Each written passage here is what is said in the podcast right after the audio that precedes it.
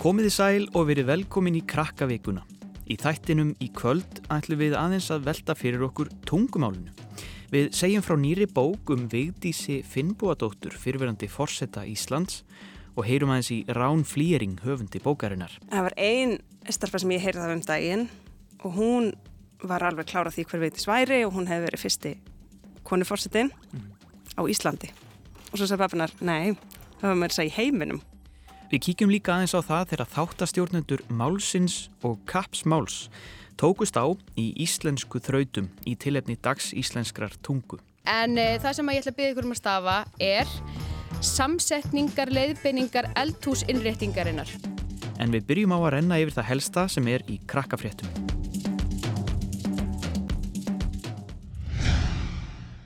Greta Thunberg er lögð af stað yfir Allandshafið til Evrópu eftir að hafa verið í bandaríkjónum í þrjá mánuði.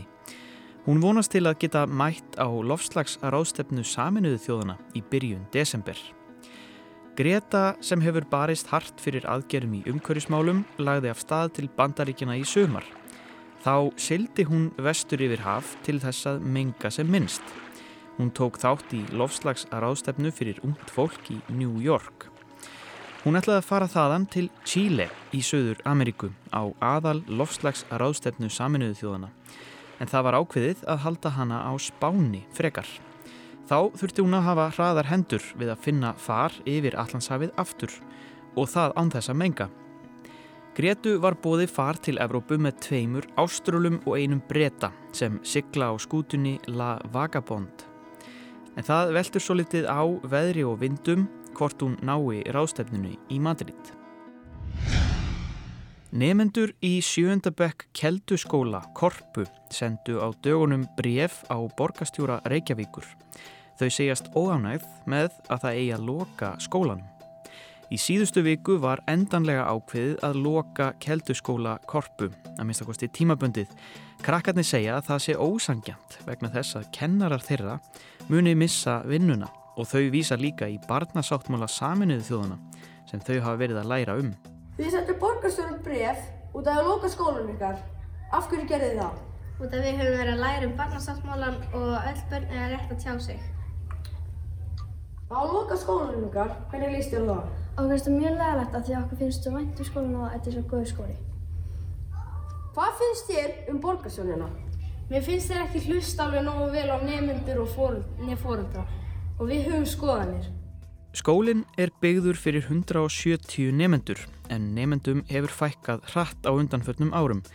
Árið 2012 voru 140 nefendur en nú eru bara 59 nefendur og skólinn þess vegna sá fáminnasti í Reykjavík. Hún verður þess vegna lokað frá og með haustinu 2020 þar til nefendum hefur fjölgað í 150. Kennarar og starfsmenn skólans og íbúum í hverfinu hafa líka mótmælt þessari ákvörðun. Á laugadaginn var dagur íslenskrar tungu. Hann er haldinn árlega á afmælistegi Jónasar Hallgrímssonar 16. november. Markmið dagsins er að minna á mikilvægi þess að ebla og varðveita íslenskuna. Jónas Hallgrímsson var uppi fyrir um 200 árum og er eitt af okkar ástsælustu ljóðskáldum. Hann var líka náttúrufræðingur og hafði mikinn áhuga á íslenskri tungu, menningu og náttúru. Hann bjóð til mörg ný íslensk orð eða nýjeriði sem við notum ennþann dag í dag. Til dæmis orðin aðdráttarafl, nætur, kyrð og mörgæs. Stjórnendur í tveimur sjómanstáttum sem eru hér á rúf, málinu í stundinu okkar og kapsmáli spreytu sig á nokkrum af þessum nýjirðum í krakkavikunni síðasta förstudag. Í tilöfnandegi Íslenskra tungu þá fannst okkur tilvalið að fá ykkur hérna í spurningakeppni byggða á kapsmáli og málinu sem eru stundun okkar. Velkomin! Takk fyrir. Takk fyrir. Herðu, fyrsta mál á dagskrá. Við þurfum að finna nöfn á liðin, eða ekki? Já, Já, sjálfsög. Já. við vorum með eitthvað eins og bardagi og bölvarar Mm, kannski Ekki ekki alveg við hæfi Nei, þannig, já, en sko ribbaldar Já, Já. ribbaldar. Það er svona svolítið að gefa tónin svona okkar megin sko Við ætlum ekki að spila þetta með ekki- sko. Nei, það er engin silki hanska meðferð hér Nei, akkurat, þannig að það eru ribbaldar Já. en þið krakkar, eru þið búin að finna ykkar blanda saman ykkar stöfum líka? Já, við vorum búin að blanda yngvar og byrta vitringar og við fundum orðið vitringar. Já. Það er frábært. Það er gott. Ha, en við ætlum að byrja bara. Fyrsta þrautin er rím. Orðið sem að þið fáið er hús.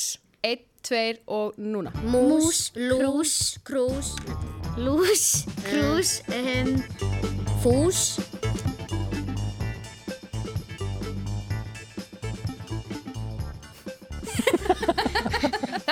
Orð, bara mjög vel gert. En þið fáið það skemmtilega verkefni að stafa. Já. Ok, Já, og þið megið bara hjálpast að. ok. En uh, það sem að ég ætla að byggja ykkur um að stafa er samsetningar, leiðbeiningar, eldhúsinnréttingarinnar. Samsetningar, leiðbynningar, eldursinnýtingar. Ok, S-A-M S-E-T-I I, samsett, N. N, E, N, G, A, R, L, E, I, Eð, B. B, E, E, I, N. I N G A R. R, leiðbynningar L og svo kannski ekki R. Eldhús. leiðbynninga innri. Svo kemur I N N. R, J. T, T, I N G. A,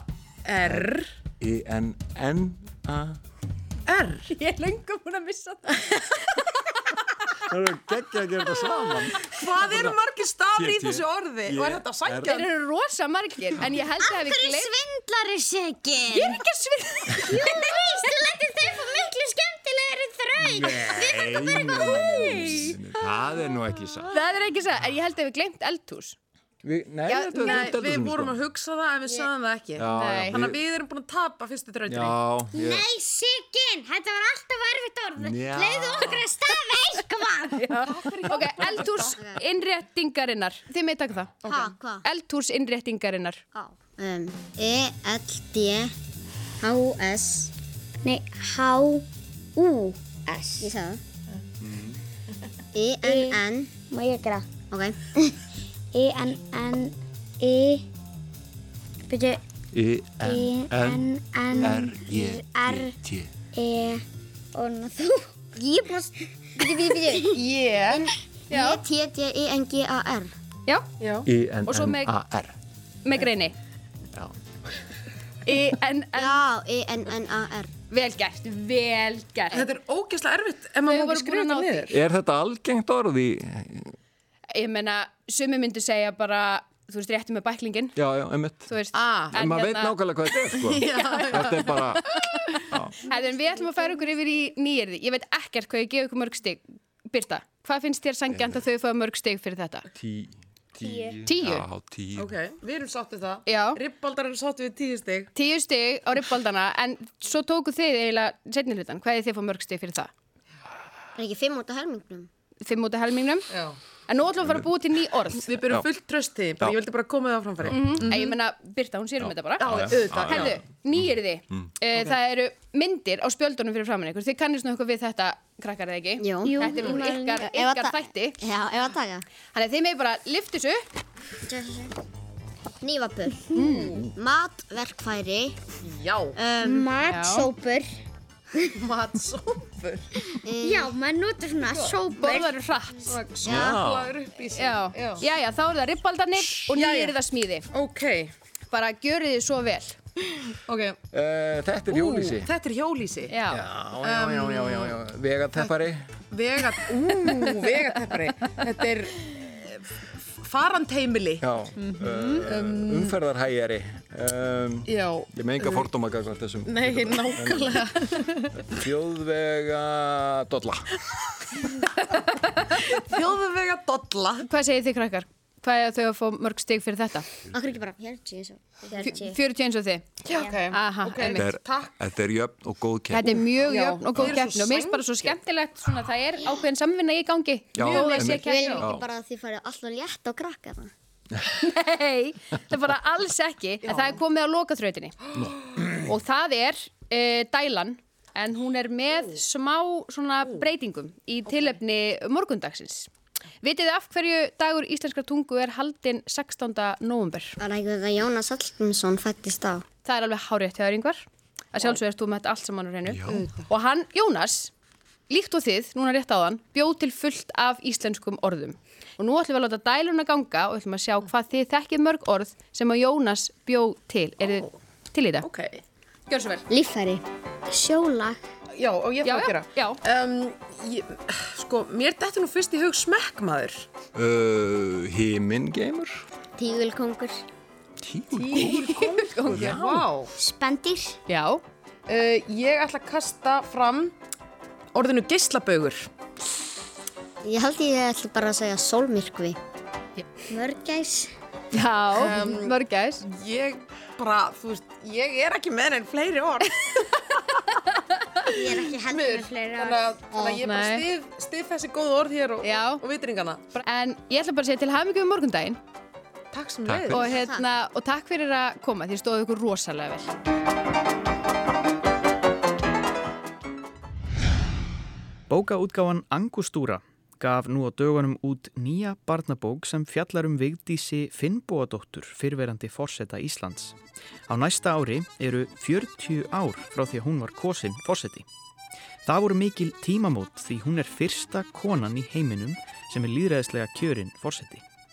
Bókin er eftir Rán Flýjering og segir frá upprennandi rithöfundi sem ákveður að skrifa bók um fyrsta konuforseta heims og bankar þess vegna upp á hjá frú Vigdísi. Hún tekur vel á móti höfundinum og býður í kaffi. Í heimsókninni verður stúlkan margs vísari um frumkvöðulinn Vigdísi Fimbóðdóttur og forseta hlutverk hennar. Hún rekst á talandi hluti, læri svolítla frönsku og líka ímislegt um lífið og tilveruna á Íslandi á árum áður. Við gerðum eins og Vigdís og tókum vel á móti höfundinum, Rán Flýring og ég spurði hana hvort krakkar í dag viti hversu merkilegur viðburður þetta var. Sko, þeir krakkar sem ég tala við þau, það er mjög misjáft hvað þau, hvað vita mikið. Flestir þekkja nafnið, margir eru alveg með þá hreinu hver hún er og akkur við, akkur við þekkja nafnið. Það var ein starfa sem ég heyrði það um daginn og hún var alveg klára því hver veitis væri og hún hefði verið fyrsti konuforsetin á Íslandi. Og svo sagði pappinar, nei, það var með þess að í heiminum og hún bara misti andlitið. Henni fannst það gjörsamlega ótrúlegt. Og ég held að sé kannski það sem er svona gaman að minna á að þetta var ekki bara stór við, viðbyrður á Íslandi, heldur vakt þetta aðtekli á, á heimsvísu. Og þú fjast smá hjálp frá Vigdísi sjálfri. Jú, já, Hún kom aðeins aðeins við það ekki. jú. Segð mér aðeins frá því. Hvernig... Við hittumst alveg í blábyrjun, því ég var eiginlega ekki byrjuð, þá hittust við bara svona til að hilsa upp á hana og segja henni aðeins frá hvað verður að fara að gerast og hún var alveg til í þetta. Og svo hittumst við nokkru sinnum og það var svona þegar ég var komin svolítið af stað, þannig að ég las náttúrulega allt sem ég komst í um, um Vigdísi, alls konar greinar til og viðtöl og bækur skrifaðar. Og svo gerði ég uppkasta bókinni sem var eiginlega bara, er eiginlega alveg eins og bókin nema bara öll svona eins og þegar maður föndra bók bara, límur hann að safa maður sjálfur með teipi og með blíjandi og svona. Og þá fórum við hittum Vigdísi og ég las þá það handrit fyrir hana. Og svo, og hún hérna kom með alls konar um, alls konar svona um, já, bara stakk upp á hérna þessu og ég myndi segja þetta svona og ekki hinsegin og, og það var svakalega, svakalega gaman.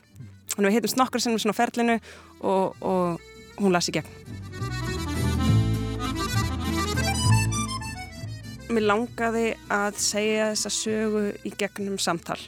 Og þess vegna ákvað ég að það er hérna lítil stelpa sem að fer í ákveður hún ætla að skrifa bók um fyrstu konunni í heiminum sem var góð sinni fórseti og hún fer og bankar kótróskin á hurðinni á Vigdísi og býður sér í heimsókn.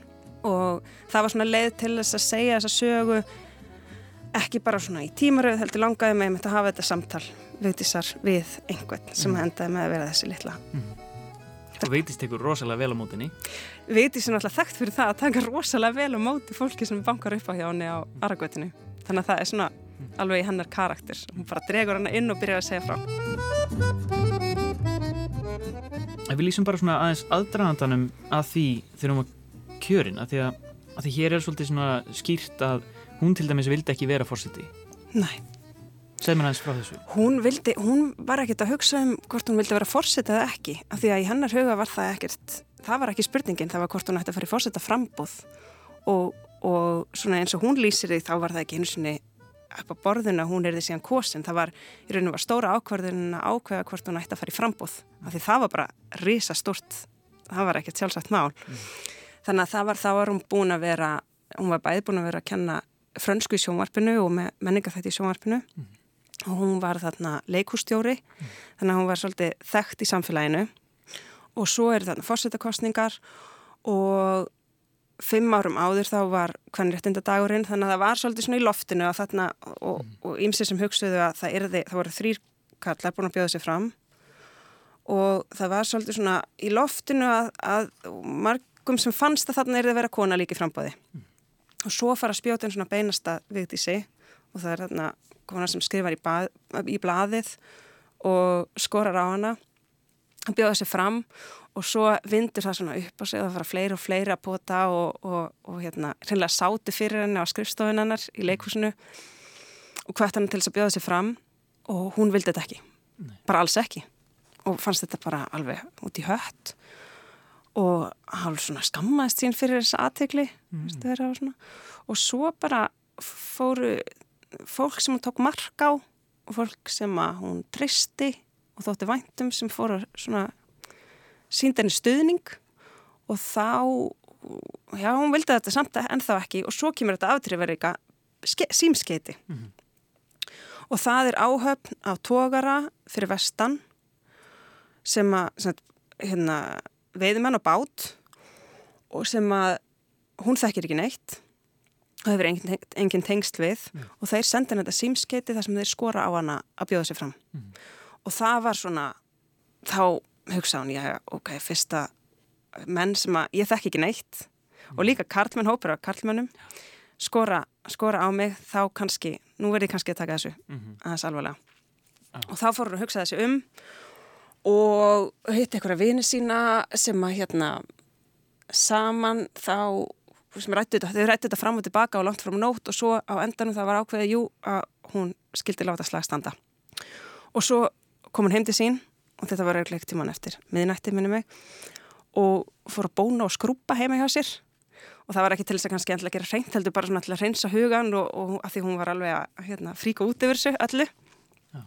og svo klukkan 6 eða 7 um morgunin þá ringir hann í þennan þetta vinafólk sitt mm. sem að sem að hefðu hérna, verið þarna þegar hún tók þessa ákverðun og hún ringir og segir ég rættið, ég get ekki gert þetta mm. og þá segir vinnunum bara nei veistu, því miður, það er á seint blaðmennirni koma eftir klukktíma og þá fór hún bara inn á bath og gerði það sem einu var hægt að gera í stöðinu og sett í þessu karmelrúlur ja. í hárið og gera þessi klára En uh, áður en við ljúkum þessum þætti þá er kannski rúm fyrir örf á loka árð, veitis?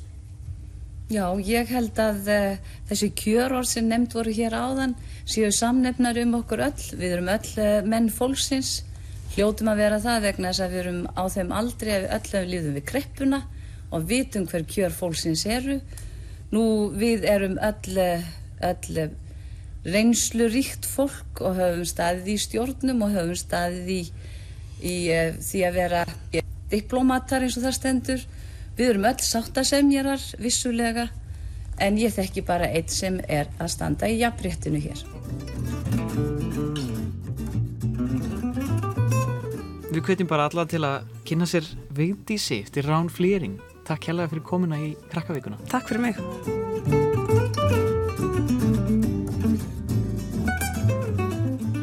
Þá er ekki fleira í krakkavíkunni að þessu sinni.